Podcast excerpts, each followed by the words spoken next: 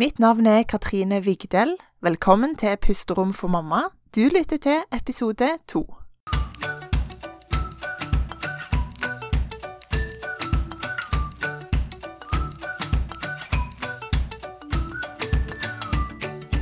Dette er den første episoden der jeg har med meg gjest, og i dag så snakker jeg med Maria Celine Lundeby, som er ungdomskonsulent, lærer, forfatter og trebarnsmamma. Og dette blir en veldig spennende samtale om hverdagsliv, tro, skriving, men òg store og mer alvorlige temaer som spontanabort og tøffe svangerskap.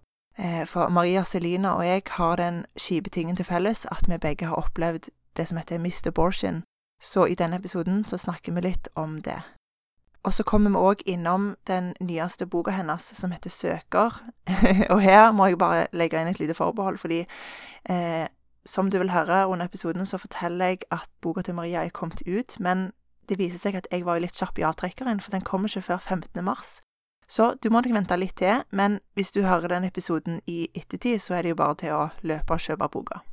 Boka er gitt ut på Lunde forlag. Det er det samme forlaget som jeg sjøl jobber i, og jeg vet ikke om dette er noe jeg må gjøre, men jeg syns det er viktig å presisere at denne podkastepisoden, eller Pusterom for mamma generelt, er ikke sponsa på noe vis av Lunde forlag, eh, men jeg er nok inhabil siden jeg allerede jobber i det samme forlaget som eh, gir ut bøkene til Maria Celine.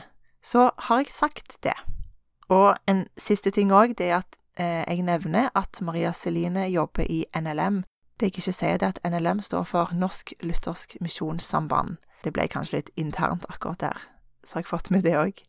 Og hvis du vil bli bedre kjent med Maria Celine, så finner du henne på Instagram som Maria Celine, og på Facebook.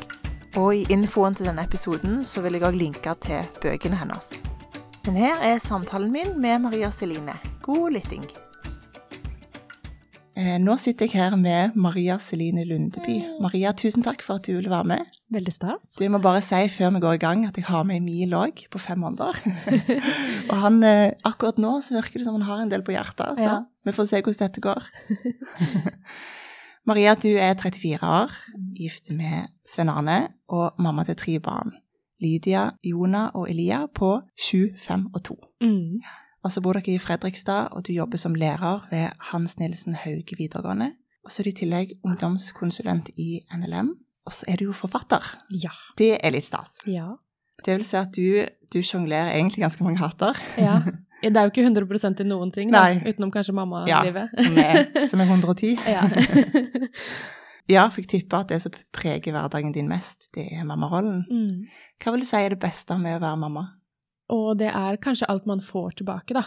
Eh, all kjærligheten og alle, alle de morsomme samtalene, all eh, kosen. Ja. Alle de der fine, små, magiske øyeblikkene. Ja. Ja. Ja. Det er jo, du har jo barn, barn i rett alder i forhold til det. Ja, Det Ja, er Når de, de virkelig. begynner, personligheten kommer virkelig fram. Ja. Begynt på skolen, så det er veldig spennende å gå ved siden av. Og så han minste som fortsatt liksom ja, våkner om morgenen og bare vil sitte på fanget. Ja, Så litt av alt det som Ja. er bra. Ja. Mm. Hva er det verste med å være mamma? Ja, det er jo egoisten i meg som ikke får slippe til da, så mye som den vil, tror jeg. Jeg tror det er det som eh, preger det mest. Jeg har blitt veldig klar over at jeg eh, setter søvn veldig høyt. Det går utover det. Det gjør at jeg blir i dårlig humør. Jeg blir kjent med de kjipe sidene mine, med kort lunte. Kan bli veldig sånn Ja, jeg kan bli sint på en annen måte enn før. Og det syns jeg er litt skremmende å se. Eh, og så gjør det at jeg må si unnskyld mer enn før òg, da. Så det er jo en fin erfaring å få med seg videre. Men jeg tror kanskje det er det, ja. Det derre å hele tida måtte sette sine egne prioriteringer på andreplass, da. Mm. Ja. Du, altså, du har tre barn, og nå tenkte jeg egentlig skulle spørre er det travelt. Sant? Det er litt sånn teit spørsmål. Selvfølgelig er det travelt. Tre unger. Er det travlere enn du så for deg? Jeg tror at jeg bare gikk inn i mammalivet med litt sånn skyggelapper på, og tenkte at eh, jeg har lyst på barn, og det er det det er. Så jeg hadde ikke noen sånn veldig forestilling om hvordan det skulle bli. Jeg hadde noen tanker om at, eh, at jeg håpa vi skulle bli spart for syke barn og sånne ting, da. Eh, og det har vi blitt. Um, så der har vi vært heldige. Men jeg, jeg tror hadde jeg visst hvor lite søvn, hvor, hvor sliten man kan bli da, av det som vi, egentlig bare er et helt vanlig familieliv, Ja, ja, så tror jeg jo at jeg hadde grua meg til å gå inn i det. Men så er det jo det at det følger veldig mye fint med det slitsomme også. Ja, så det er travelt, men samtidig så er det litt sånn, ja, det er en slags unntakstilstand i noen år, og det hjelper meg å tenke at det kommer kjempemasse fint ut av det. Det er veldig mye fint akkurat nå, og jeg må legge noen sånne selvrealiseringsplaner på hylla, Mm. fordi at det er familien som er viktigst. Mm. Men i det store og det hele så er det kjempefint, altså, å være der vi er nå. Mm. Bra, bra perspektiv. Ja, jeg trenger å øve meg på det, da. Ja, ja jeg òg. Du, eh, hvordan ser en helt vanlig dag ut hjemme hos dere? Ja, vi lever ikke noe sånn A4-liv, for vi har fleksible og litt varierte jobber, begge to. Eh, men den starter som regel tidligere enn noen av oss voksne vil. Fordi eh, vi er velsigna med en som sover litt ustabilt og våkner alltid litt tidlig. Ja, Og vi er. B-mennesker, da. Ja, Så bra kombo. Ja, det funker jo ikke. Så da, det starter som regel der. Eh, Det er, men ellers er det mye Brannmann Sam for tida. Ja. Eh, mye lære å lese. Eh, med, ja, Ja, nummer to som. Mm. ja, og nummer to som hiver seg på. Så de motiverer hverandre veldig. Ja, og så er det litt sånn mye unger inn og ut av huset, på besøk. Eh, og ellers så det helt vanlige. Jeg syns den vanlige hverdagen er så fin, da. Med ja, middag, sitte og snakke sammen, være sammen. Vi er fortsatt ikke der at ungene har masse aktiviteter ennå, så det gjør at vi får jo en del ro i hverdagen også. Prøver å øve meg på det, da, og se at nå kan vi spille spill, og nå kan vi ja, ha tid til å prate og leke sammen. Og så blir det litt TV og litt avslapping og alt sånt. Ja. Maria, noe av det som inspirerer med deg, det er at du er så god til å dele ærlig og åpent fra eh, livet ditt i sosiale medier på en måte som føles veldig oppriktig og in inkluderende. På Instagram så får vi se glimt fra hverdagslivet ditt, både det fine og det som er litt kjipt. Hva er det som motiverer deg når du deler fra livet ditt? Ja, først må jeg bare si det er veldig hyggelig å høre at det treffer, da. Fordi det er jo noe av det som motiverer, rett og det Ja, det er absolutt ja. Ja. Mm. Jeg har opplevd sjøl hvor mye det betyr å få glimt inn i andres liv. Og så har jeg opplevd eh, ja, hvor godt det er å få dele sjøl òg, da. Fordi at, det, at jeg begynte å dele litt fra livet på Instagram, det har åpna opp for veldig mange gode relasjoner. For veldig mange gode samtaler. Noen Mm. bare i en innboks, liksom, men veldig mange også når jeg møter folk liksom utafor sosiale Mm. medier-sfæren. Noe av det som eh, motiverer meg mest, er egentlig at jeg har lyst til å dele livet med Jesus. Som et eksempel på det, da, hvordan, for det preger jo livet mitt i stor grad, mildt sagt. Og jeg tror jo at alle mennesker lever livet på forskjellige måter, så det jeg kanskje er mest redd for, det er at folk skal tenke at den måten Maria lever ut troa si på, da, eller lever livet sitt generelt, at det er sånn det skal være. Så det håper jeg jo at det ikke gjør, men Ja. at jeg bare kan bli et eksempel på hvordan en kristen tro kan se ut, og nå blir jo det i den livsfasen jeg er, da, som Mm. mor. Um, så det er noe av det som motiverer meg, ja. Og så er det jo det at uh, glimt inn i andres ekte liv, det har gitt meg enormt mye trøst. Eh, for det hjelper å vite at vi ikke er aleine om ting. Og det å vite at andre har opplevd det samme som meg. Og det har jeg jo også opplevd, at fordi jeg har delt ting som jeg har opplevd, så har andre tatt kontakt med meg og sagt 'du som hadde det sånn', og du, 'deg som det skjedde det med', og ja. Og det har jeg jo delt også i en bok jeg har gitt ut tidligere, hvor jeg har skrevet om ulike ting, men og i taler når jeg, når jeg forkynner og sånne ting, så, så handler det mye om livet, liksom. Og så er det jo ikke det at mine erfaringer er noe sånn ekstremt viktige eller spesielle, eller at jeg er en spesiell person, men det er det jeg tenker er litt av poenget, da. At Mm. jeg er et helt vanlig menneske, Ja. og livet mitt er det livet mitt er. Og det er gode ting, og det er kjipe ting, og jeg tror at vi kan være til hjelp for hverandre, da. Og så følger vi veldig lett mange litt sånn glossy versjoner av ting, og det er fristende, men da må vi huske å tenke at de gir bare glansbildet sida ut, da. Ja. Eh, Mm. Så kan det være fint å følge noen som eh, prøver å vise litt mer sånn overkommelig hverdag også, da. Ja. ja. Så en av de Instagram-postene jeg fikk mest uh, feedback på, var når vi spiste pizza på gulvet, liksom. Ja. Frossenpizza på et dynetrekk på gulvet. Når dere hadde piknik, var det det? Ja. Mm, det er jo kjempekoselig. ja. Men hvem gjør det, liksom? Det var bare fordi vi var veldig slitne. Så tenkte vi hvordan krydre hverdagen litt og få bort det dårlige humøret. Ja. Ja. Grandiosa på gulvet. ja. Så koselig. Ja Nei, men det er et viktig poeng. Det tror jeg at en må ha litt, litt av begge deler. Altså, Ja. Det er jo ingenting i veien for å følge kontoer på Instagram, eksempel, som Mm. legger ut helt fantastisk fine bilder, og det er så inspirerende. og mm. Så lenge en har litt i bakhodet at dette er ganske filtrert, Ja. og det er bare en liten brøkdel av bildet, Mm. og så trenger en òg det spontane og det ærlige som jeg opplever du har. At Mm. det, du har opplevd noe spesielt en dag, og så deler du det, og da blir det så genuint. Men jeg tror vi trenger litt det òg. Vi trenger på en måte det er den positive sida med sosiale medier, vil jeg si. At en, Mm. det er en enkel måte å koble med andre på. Ja. Vise litt av hverandres eh, ærlige hverdagsliv og vekke gjenkjennelse, kanskje, og skape litt sånn trygghet med at eh, dere er ikke alene om å ha det sånn og sånn. Vi òg har det sånn. Ja. Vi, vi er litt i samme båt. Ja, det er akkurat det. Og så tror jeg at vi fort kan se hverandre utafra, og da Jeg tenkte på det på vei hit i dag, da. At det sånn vårt familieliv fra utsida, da.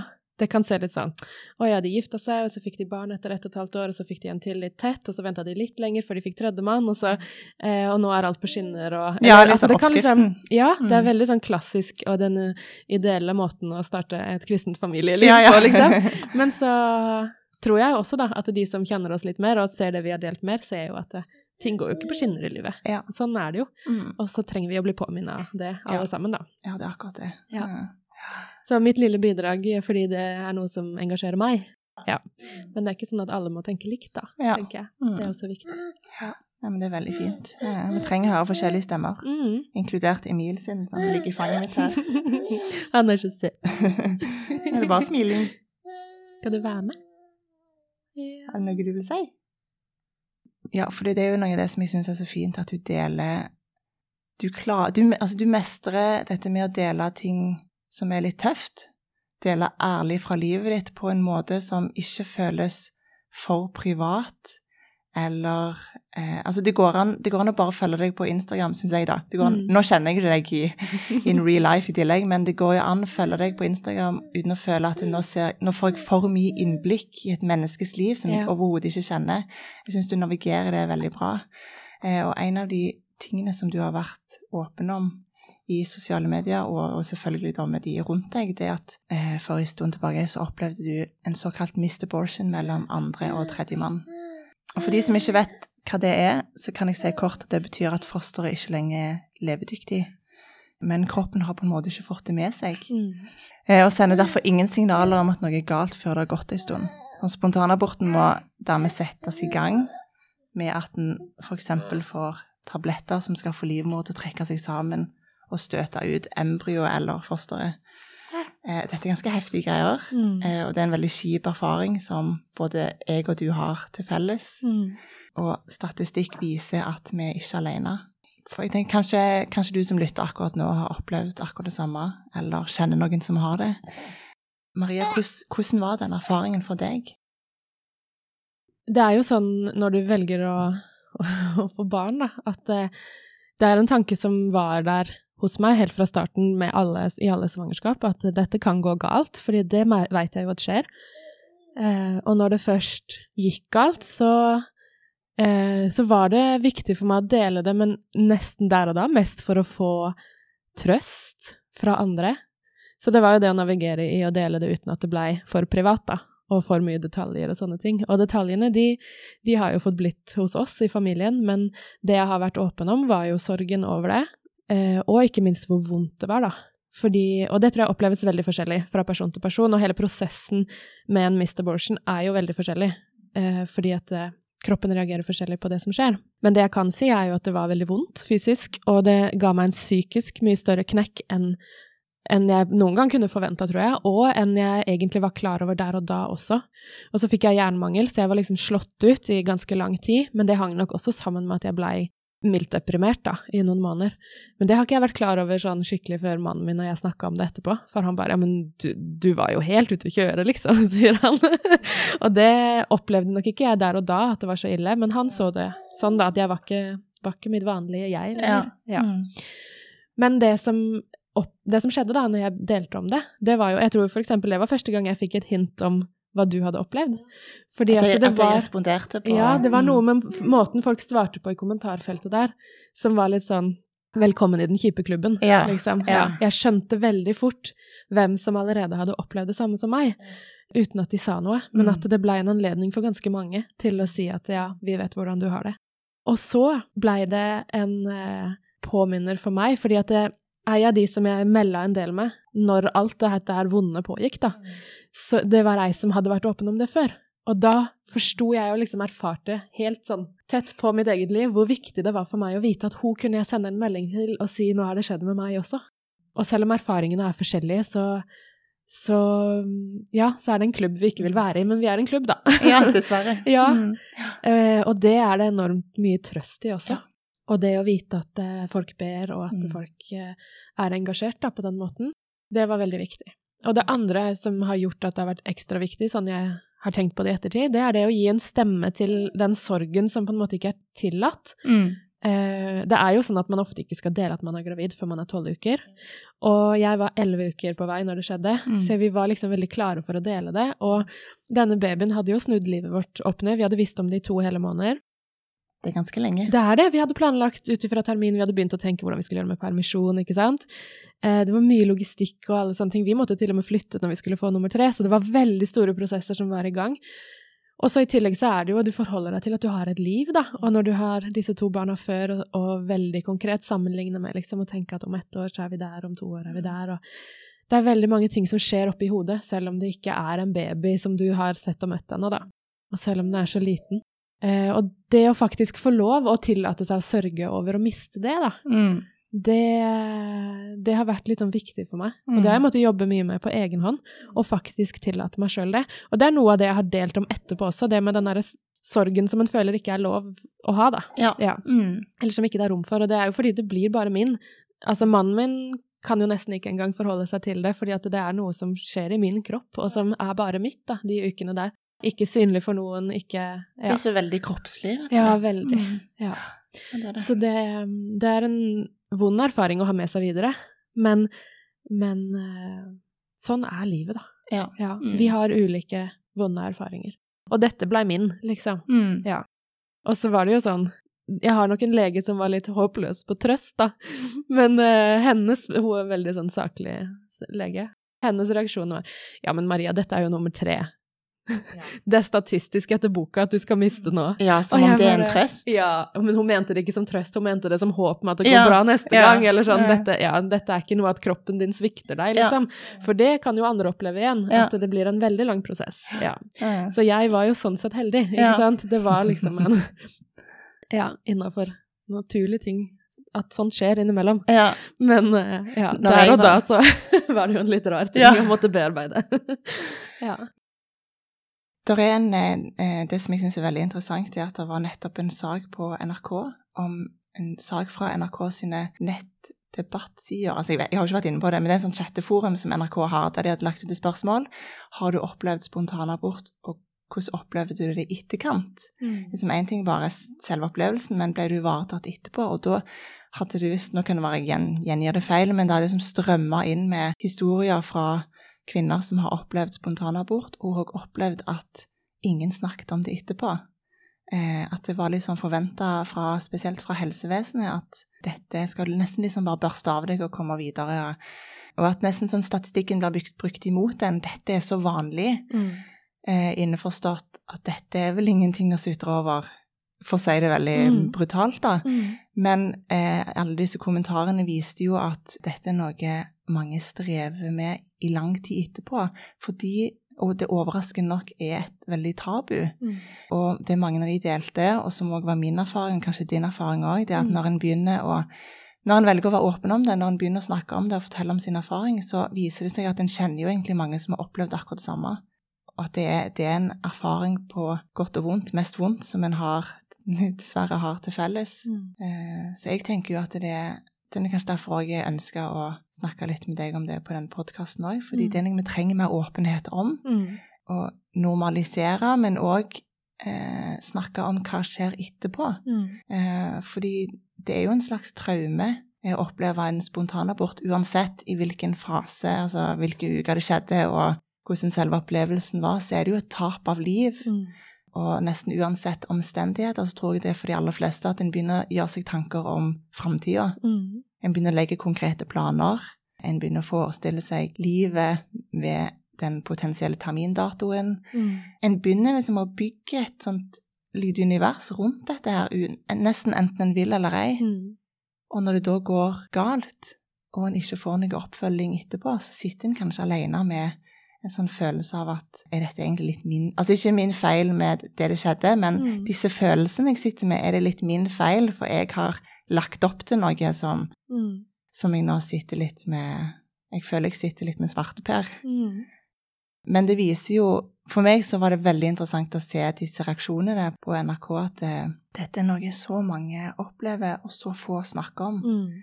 Og vi trenger å løfte det mer fram og, og snakke om det. Mm. Og kanskje gi hverandre rom til å gå gjennom følelsene og Mm. bearbeide det. Eh, og ta den tida en sjøl trenger. Mm. Ja, det tror jeg er veldig, veldig sant, altså. Jeg merker jo at eh, alle mine tanter og alle i den generasjonen over meg var jo bare sånn nikka bekreftende, liksom. Nå var du også der. Og så var jeg sånn, hvorfor har jeg ikke visst dette? Ja, Ble du overraska når du begynte å, begynte å fortelle det til Ja, både og, da. Fordi at eh, jeg skjønte jo etter hvert at dette er så vanlig, da. Ja. Ja. Og så er det jo noe med den reaksjonen legen min også ga meg, ikke sant, på at det, det er så vanlig. Mm. Hun er veldig saklig, men samtidig så legger hun jo også litt det presset da, på at nå skal jeg også bare første det da. Ja. Men det var jo akkurat det samme som skjedde på sykehuset òg, for jeg måtte jo inn dit for å liksom få, få hjelp til å få det fysisk avslutta. Og da, da spurte jeg jo, men hva skjer videre nå, liksom. Nei, det hender at noen får et par Eller du får bruke egenmelding, liksom. Det hender at noen trenger et par dager på å komme seg. Ja. Og, og min Altså, min fysisk Altså, det å avslutte svangerskapet Mm. tok jo ti dager for meg. Og det var, min, det var jo bare min erfaring. For mange går det sikkert fortere, ikke sant? Mm. Men det å liksom da Jeg følte jeg feila i det også, ikke sant? Fordi jeg fikk jo beskjed på sykehuset at det skulle ta et par dager, og så var jeg på beina igjen og skulle på jobb. Og så klarte ikke kroppen å gjøre det den Mm. skulle liksom i, da heller. Når den, ja. Ja. Så det blei så mange lag av skuffelse. Ja. Og så mye Så mye smerte på i alle måter, liksom. Mm. Og så har jeg fått veldig respekt for at eh, Eller min smerte har gjort meg klar over at jeg ikke kan forstå nøyaktig hvordan det oppleves for andre. Mm. Fordi at eh, mange, og kanskje nesten alle, damer som har barn eller er i stabile forhold og ønsker seg barn, opplever noe av dette, tror jeg. Mm. Smerten på ulike måter. Og så kan vi ikke gå rundt og snakke om det hele tida. Eh, og så er det ikke noe som alle skal måtte få innblikk i, for det er jo veldig privat, ikke veldig sant? privat. Mm. Men samtidig så er det det med at vi trenger noen kanaler å, å lufte det i, tror jeg, da. Og da har i hvert fall jeg opplevd at hvis jeg har vært åpen om det, så har Mm. folk fått tillit ja, til at her kan de henvende seg. mm. Ja. Så selv om min smerte og min erfaring ikke kan sammenlignes med noen andre sin, for de andre har andre måter det oppleves på, så har vi noe felles allikevel. Da. Ja. Mm. Ja. Det er jo et godt sted å begynne å starte med f.eks. venninnegjengen. Mm. Altså mennesker som du har i livet ditt som du har tillit til, der det allerede er et tillitsforhold etablert. Eh, det er jo det naturligste stedet å åpne seg opp. Og det trenger jo ikke å være eh, venninner som har opplevd det samme. Som du sier, det er jo selv om en har opplevd det, så er det jo erfaringen, eller opple- opplevelsene er så individuelle. Men, eh, men å bare bidra til å, til å snakke høyt om det mm. i de rette forumene eller på de rette stedene, det tror jeg er veldig, det er veldig viktig. Vil du si eh, Altså, denne erfaringen som med Mr. Borchen hadde, det var jo Da hadde du to barn allerede. Eh, har det prega deg som mamma? Man setter litt ekstra pris på de man har, men det har nok mer prega meg som venninne eller eh, i relasjoner med andre som har opplevd det samme. Mm. Jeg føler at eh, nå er jeg ikke bare hun hvor alt går på skinner med barn lenger. Nå har jeg liksom fått et lite innblikk i den smerten som andre kjenner på. Så det har heller eh, vært til en slags legedom i noen relasjoner, da, Mm. hvor det kanskje har vært litt sånn Ja, vi har hatt litt ulike erfaringer, og da har jeg vært hun heldige, ikke sant, Ja. som hadde fått to friske på rappen. Mm. Ja. Eh, et, en, stund etter denne, denne opplevelsen så ble du faktisk gravid på ny Mm. eh, med tredjemann, Mm. eller fjerdemann, Ja. alt etter hvordan det regner. Ja. Og det viser seg etter hvert å bli et ganske tøft svangerskap med Mm. mye smerter.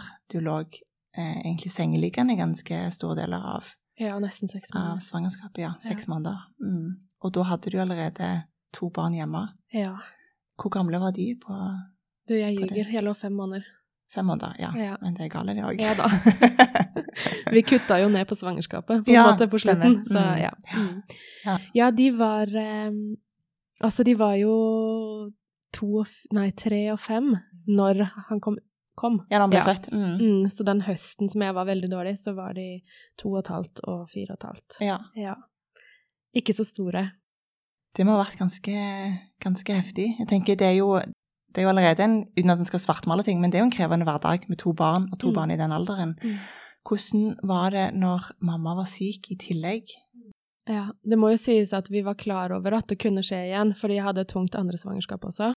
Så vi tenkte at det kan bli like ille, vi håper det blir bedre. Og så blei det veldig, veldig mye verre.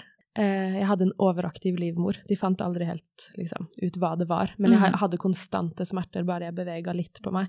Så jeg kunne ikke engang sitte med en av barna ved siden av meg i sofaen, fordi ukontrollerte bevegelser var det vanskeligste. Jeg klarte ikke å sitte oppreist lenge av gangen. Eh, da fikk jeg liksom veldige smerteanfall, da. Mm. Bare for å forklare litt sånn bildet her. Mm. Um, så det å ha en toåring og en fireåring da, som kanskje også ekstra trenger trøsten ved å se at mamma er syk med fysisk kontakt, det var en kjempestor utfordring. Mm. Og han på to, han hadde noen uh, litt sånn utagerende episoder. Han Mm. reagerte med mye sinne og frustrasjon, og det gjorde jo også at jeg blei enda verre når han fysisk utagerte, ikke sant. Så ja, det var en kjempeutfordring for alle sammen. Men uh, altså, ære være barnehagepedlederen, som jeg satt på telefonen med, for jeg kom meg jo ikke til barnehagen, for å diskutere hvordan vi felles kunne følge han opp best mulig i barnehagen og hjemme. Eh, jeg blei ganske fort kobla på jordmor som kom på hjemmebesøk, familieterapeut, psykolog. Veldig mange gode funksjoner som bare liksom rulla ut da, når de så hvordan ting ikke fungerte. Ja. så i alt det tunge og den følelsen av et svangerskap som aldri skulle ta slutt, så var det faktisk mulig å feste blikket på at det kommer noe godt ut av det, og at det var hjelp å få underveis. Ja. Mm. Og det var veldig, veldig viktig. Og den psykologen som jeg gikk til, hun møtte jeg jo aldri før etter svangerskapet, for jeg kom meg jo ikke ut av huset, så vi hadde telefontid. Eh, og jeg gråt og det, Men det var veldig godt, og hun hjalp meg også veldig mye i ettertid med å liksom få språk for å bearbeide hele opplevelsen med barna også. Vi har Mm. tegna mye tegninger, snakka mye om det. Anerkjent liksom deres sorg midt oppi alt også. ja. Men uh, Snakker de om det fremdeles? ja, Altså, det dukka de har- faktisk opp nå i høst seinest. Husker du hvor glad du var når Elia hadde kommet ut av magen, mamma? sa dattera mi, og så hadde hun tegna en tegning av meg på sykehuset som står liksom og jubler ut av vinduet. og jeg var det nesten to år siden, liksom. Men hun hadde fortsatt en, en klar tanke om det, da. Mm. Ja. Men det høres ut som du hadde et godt apparat rundt Ja. deg, tross alt. Ja, jeg hadde det, altså. Det var jeg overraska over, for jeg visste ikke hva jeg trengte sjøl. Ja. Ikke sant? Jeg kunne aldri sagt liksom ja, men jeg må snakke med noen, og jeg trenger ditt og datt. Men det bare dukka opp. Så det var veldig godt, Mm. midt oppi alt. Mm. Så det gikk så bra som det kunne. Jeg kom meg jo på beina etter svangerskapet, sakte, men sikkert. Og, Mm. og barna har klart å tenke at han ikke var liksom skylda Eller de har ikke liksom skylda på lillebror for at han gjorde at jeg var dårlig. Mm. De har mer gleda seg over at nå er han ute, så nå er mamma tilbake. Ja, Ja. så bra. Så det Nå har vi landa godt, men det blir ikke flere barn, da. Ja. ja. Det- Det er vi alle enige om. ja. Velsigna med tre. Ja, er du gal, det er kjempefint. Det, og det er jo mer enn nok. Ja. Ja. Men jeg syns jo det har vært så gøy å føde, så jeg skulle Ja. kunne gjerne tatt flere hvis jeg hadde hatt gode svangerskap. Men eh, Det tror jeg første gang jeg har hørt. Gøy å føde. Ja, det er kanskje sånn når svangerskapet er tungt, så blir det liksom ekstra stas å føde. Ja. Mm. ja, det er kanskje en, eh, mentalt òg, at du vet at nå er det Ja. Nå er du med målstreken. Mm. Uansett hva som skjer nå, så er det den tidsramma for når du er ferdig, Ja. den er ganske kort Ja. sammenligna med hva du har gått ja, igjennom. det er helt sant. Og så er det bare noe sånn helt sykt og magisk om at en kropp klarer det, liksom. ja. Ja. Når det gikk, da. Ja, Ja, ja, det er helt ekstremt. ja, ja. ja. Så Jeg det har vært tenker en, en dag skal jeg ha en egen podkastepisode bare om fødselopplevelser. Ja, gøy! Jeg vil være med. Ja. Tre helt forskjellige. jo, ja, men det er jo så fascinerende, fordi folk har helt forskjellige erfaringer, Ja. eh, og en har veldig behov for å snakke om det. ja, er ikke det Og rart? så er det jo så spennende, Mm. Og så er det jo så ekstremt. Ja. Og så er det så gøy å høre hverandre. Ja. Ja. Ja. ja veldig, veldig. Eh, men den, denne tida der som da var ganske tøff, Mm. eh, så hadde de jo, som du beskrev, et godt hjelpeapparat. Men det må jo ha vært en veldig mental påkjenning. Altså én ting er alt det fysiske, og at du ikke kunne bruke kroppen din, og heller ikke måtte fysisk møte dine barns behov. Hva var det som holdt deg oppe i denne tida? Jeg har ikke noe annet svar enn Gud, egentlig. Det var mange som ba for oss, eh, som visste at det var tungt, da. Så det var nok ikke noe annet svar enn det. Fordi det var mørkt og tungt, altså. Mm. Det var det. Jeg hadde en erfaring fra det andre svangerskapet, da ble det veldig overraskende eh, vondt, hvis du skjønner. Det var den Mm. første gangen hvor det ble veldig dårlig, og da, da blei både mannen min og jeg veldig, veldig satt ut av hvor slitsomt vi syntes det var. Så vi var nok litt mer rusta for at vi kom til å, til å bli veldig slitne også fysisk, da. Nei, Mm. psykisk, hvis man kan si det sånn. Ja. Mm. Mentalt sliten. av uh, tungt svangerskap. Mm. Så vi var nok klare for det. Og da hadde vi også et slags, en slags tanke på plass om at eh, det er greit at det er sånn nå, og det går over. Men det er når man er sliten og det er vondt hele tida. Da er det mye tårer, og det er mye sånn Men den terminen, ja, jeg hører du sier det, men kommer det faktisk til å skje, liksom? Ja. Men aller mest har det gitt meg enorm respekt for kronisk syke som ikke har en termindato. Det finnes jo folk som har sånne smerter hele tida og lever med det. Og det har gjort meg veldig ydmyk, da. Mm. Mm. Eh, Maria, du er jo en person som deler åpent fra livet ditt. Det Ja. har vi jo vært inne på nå. Ja. Eh, I tillegg til å dele fra hverdagen din som mamma, så deler du òg mye om troen din eh, og tanker du gjør deg om det å være en som tror på Jesus. På hvilken måte har Altså, tro, en, troen forandrer seg gjennom livet, uansett hva slags tro en har. Altså, Mm. hva, hvilke verdier er den baserer livet på? Det vil jo endre seg etter omstendigheter og alder og livserfaring. Mm. På hvilken måte har troen din forandret seg etter at du ble mamma? Og det er sikkert på veldig mange måter, men det jeg har blitt veldig klar over, det er eh, bildet av Gud som far. Mm. Fordi jeg har nå liksom fått virkelig kjenne på kroppen hvor høyt jeg kan elske mine barn, og hvor ønska de er, og hvor fantastisk det er å få være mamma, og få kjenne på den gaven det er, da. Eh, og når det da bare er en bitte liten smakebit av det som Bibelen beskriver som Guds kjærlighet for oss Ja, jeg får tårer i øynene når jeg snakker om det. Ja. Eh, det har åpna det på en annen måte enn det jeg har fått oppleve sjøl som barn. Og det handler ikke nødvendigvis om liksom, hvordan mine foreldre har vært, men mer det at når du blir mamma, så får du virkelig erfare det på en annen måte da, Mm. enn som mottaker som barn. på en Ja. måte. Ja. Mm. Det har gjort at jeg kjenner meg enda mer elska av Gud, hvis du skjønner. Ja, Ja, du for, Du forstår litt mer av Guds kjærlighet til oss. Ja. Og enda mer av hvordan, hvor langt man kan gå da, for barnet sitt som man elsker. Så det er kanskje det som har liksom satt dype spor i meg etterpå. Mm. Ja. Og så har jeg, er det jo veldig spennende å snakke med barna om tro, for det gjør jo at jeg også må gå helt tilbake til basic og prøve å forstå ting og forklare ting i det store bildet, men også med de små detaljene, liksom. Mm. Og det syns jeg er kjempespennende. Har dere hatt en del sånne andakter eller sånne lesestunder? Eller noe Hjemme? sånt? Hjemme? Ja, litt. Og, ja, og vi leser en del bøker og sånne ting, men egentlig mest eh, Det som i hvert fall gjør mest inntrykk på meg, er jo når vi kan snakke, og de får bare stille spørsmål og, og sånn, da. Men nå er jo vi litt sånn eh, over snittet teologiinteresserte i vårt hus, da. Så det er nok kanskje Det faller oss naturlig å, å gå litt i den eh, gata. Ja. Men det syns vi er veldig spennende, da. Du, idet denne podkastepisoden går på lufta, så har du kommet ut med ei rykende fersk bok. Ja. Gratulerer! Takk. Det er så stort. Ja, det er det, altså. Den heter Søker 25 sannheter om hvem du er. Eh, innledningsvis så var vi inne på alle disse hattene som du sjonglerer. Det å navigere rollen som mamma og ha to jobber, og få tid til kreative prosjekter som det å skrive bok, hvordan har det vært for deg? Eh, ja, Hvordan det har du jo fått det til? Ja. Det er liksom så mange som sier det, også i småbarnsfasen. På en måte så um, Det er jo en gavepakke med å få barn, er at du må være mer hjemme. Så da har liksom engasjementet mitt begrensa seg litt til innafor husets fire vegger, og etter det begynte jeg å skrive bøker og inste. Ja. Instagram vokste fram etter det. Så det er nok kanskje det, da, at det er litt annen ramme rundt hverdagen enn det det var før. Før så var engasjementet mitt mer sånn ute, og møte andre og være med på arrangementer og ting som skjedde. Men så um, Egentlig så handler det om å prioritere, da. Jeg prioriterer jo vekk veldig mange ting. Jeg, jeg har skrevet to bøker nå, og det har jeg gjort fordi jeg har liksom opplevd at jeg har blitt veldig sånn Dette skal du gjøre. Mm. Og så har det også kommet litt lett til meg. Det har ikke vært veldig tunge prosesser. Det tror jeg jeg hadde syntes var vanskelig å, å rydde tid til. Mm. Også fordi at det, hodet klarer jo ikke å fungere like dypt, på en måte, som eh, før jeg fikk barn. Ja. Eller når det var litt mer ro rundt meg. ja. Så jeg tror ikke jeg har noe sånn fasitsvar, og jeg tror det vil være veldig forskjellig for alle foreldre, hvordan, hva man har tid og kapasitet til og sånn. Men hadde det ikke kommet veldig lett til meg, på en måte, hadde jeg ikke blitt veldig inspirert, så tror jeg ikke jeg hadde klart å gjøre det. Mm. Ja, men så får jeg veldig mye ut av det òg, da. Det er veldig spennende. Men det kan ikke være for lange, intense perioder. Da Mm. blir jeg veldig sliten og ja. ja, Mm. knekker litt sammen. Ja.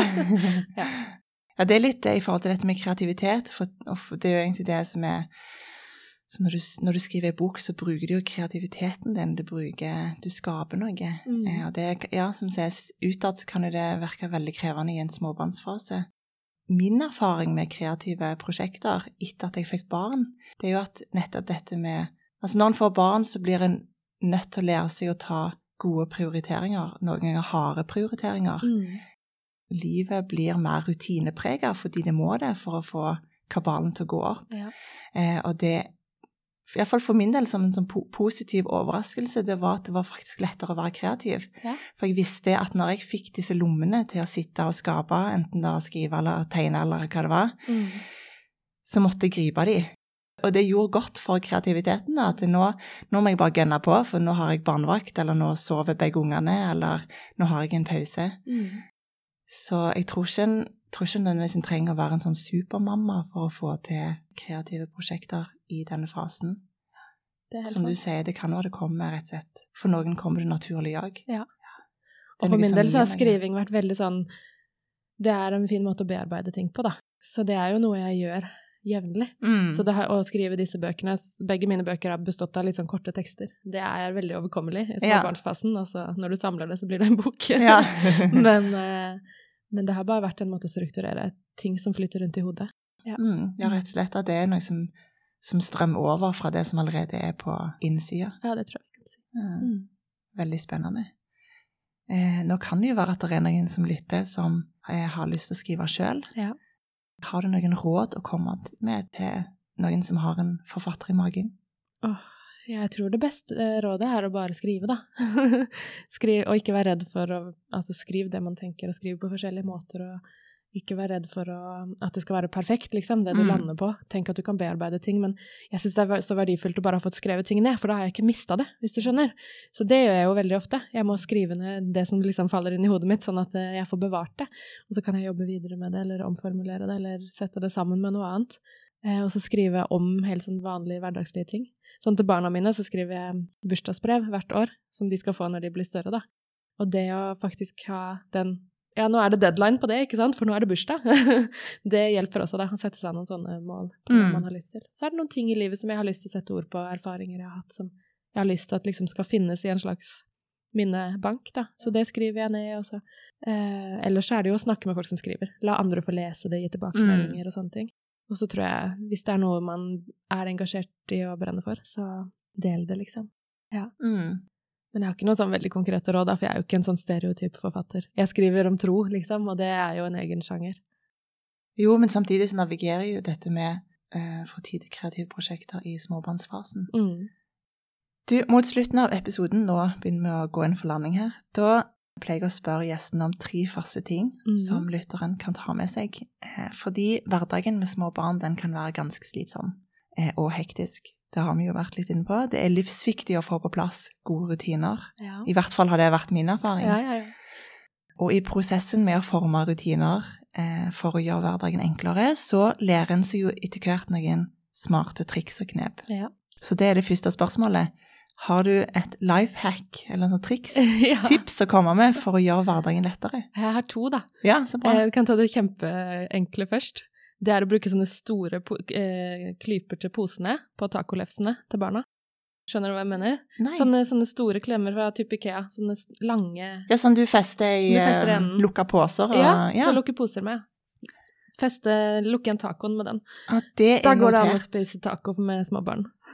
Vi spiser taco hver fredag. Ja. Vi har bare bestemt at sånn er det, Ja. for, å, for å frigjøre litt plass i hjernen. Ja. Og det blir jo mais og ost Det det. overalt. Det blir det fortsatt til vi er en viss alder, uansett Ja. om du har den klypa. Men, men det hjelper, til å holde den lukka, ikke sant? Fordi vi voksne sitter jo og holder den igjen der nede. Ja, ikke sant? Ja, ja da, det er Et veldig bra. Så det var det Jeg har Fått det fra min svoger og svigerinne. Ja. det er veldig bra. Dele raust. med Ja, så bra. det. Det andre, det er kontinuerlig forventningsavklaring. Og det handler bare om å leve godt med seg sjøl i fasen vi er i. Eh, hjemme hos meg så kan jeg gå og la det liksom stjele energi fra meg og prege tankene mine at badet vårt er skittent, eh, fordi jeg får ikke vaska det så ofte som jeg vil. Eller så kan jeg bare tenke at ok, akkurat nå i livet så er det sånn at vi ikke vasker badet så ofte som jeg kanskje egentlig vil, og det er greit akkurat nå. Og så får vi ta det opp til vurdering igjen om et halvt år, hvordan jeg skal forholde meg til det. Og det gjelder ganske mange ting, da. Mm. Akkurat nå så er det sånn, og det er greit. Mm. Liksom, men det må innom tanken og bli bevisst, og så kan jeg liksom legge det bort, da. Og det betyr jo ikke at jeg skal forsone meg med det for mange år, kanskje. At ting ikke er sånn som jeg optimalt egentlig vil ha det. Jeg tror å vaske badet er en ting folk kan kjenne seg igjen i, da. Men det finnes jo veldig mange ting, da, Mm. som kan stresse en, eller som kan Jeg har ikke nok tid til å snakke med de folka som jeg savner å ha kontakt med, eller Mm. Ja.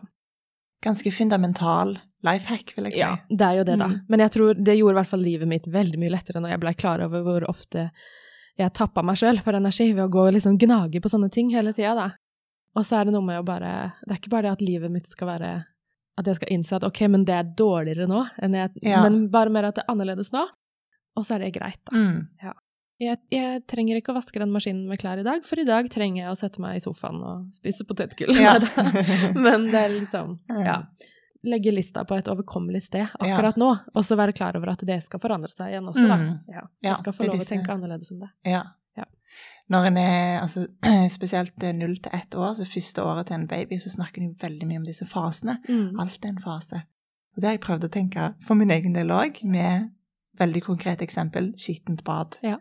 Tenk at jeg skal ikke ha skittent bad resten av livet. Nei. Det er en fase. Ja, det er akkurat det der. Jeg tror det ble mest tydelig for oss når vi bare Det huset vi ser etter, er et hus vi ikke trenger å gjøre noe med på fem år.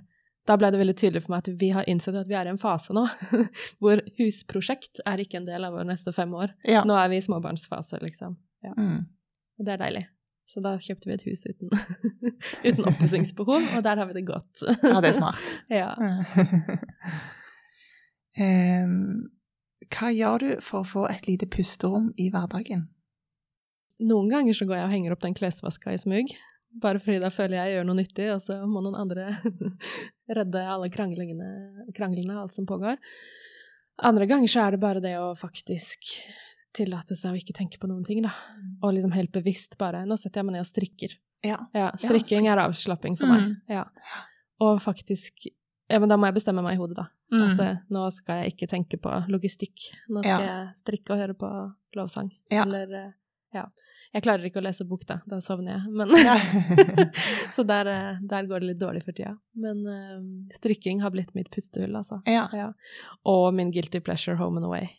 Det, det har fått meg gjennom småbarnslivet. Ja. Det er 20 minutter fem dager i uka. ja. Åh, Det er det er, så liksom- sløsing av tid, ikke sant? Men bare samtidig så er det så hvile. episoder. Men det gir hvile, da. Så flott. På en veldig Ja, det er jo helt teit. Alle ler når jeg sier at jeg ser på det. Bare, hvem er det egentlig som ser på det? Nei. Men Home and Away Home and Away. Ja. Nå fikk jeg akkurat den sangen i, eh, på hjernen. Vær så god. Mm, takk. Eh, Du, nå helt til slutt, har du lest ei bok i det siste som du vil anbefale? Ja, jeg har faktisk det, da. Selv om jeg Ja, selv om du sovner. ja. eh, Gi mine øyne lys av Vidar Bakke har jeg lest og anbefaler. Han snakker ærlig om mørke ting i livet, men det er det der lyset, da, som er gjennomgående, og da er den god å lese. Mm. Ja. Ja, det er bok om depresjon, Ja. egentlig. Mm. Men mye livsvisdom å lære av. Både for sin egen del og for å møte andre. Ja, Så flott. Du, Maria, tusen takk for praten. Det var veldig hyggelig. Dette var veldig kjekt. Ja. Eh, Vi fikk litt sånn eh, innblanding med Emil av og til, men det går bra. Det går bra. Han er hyggelig. Han er hyggelig.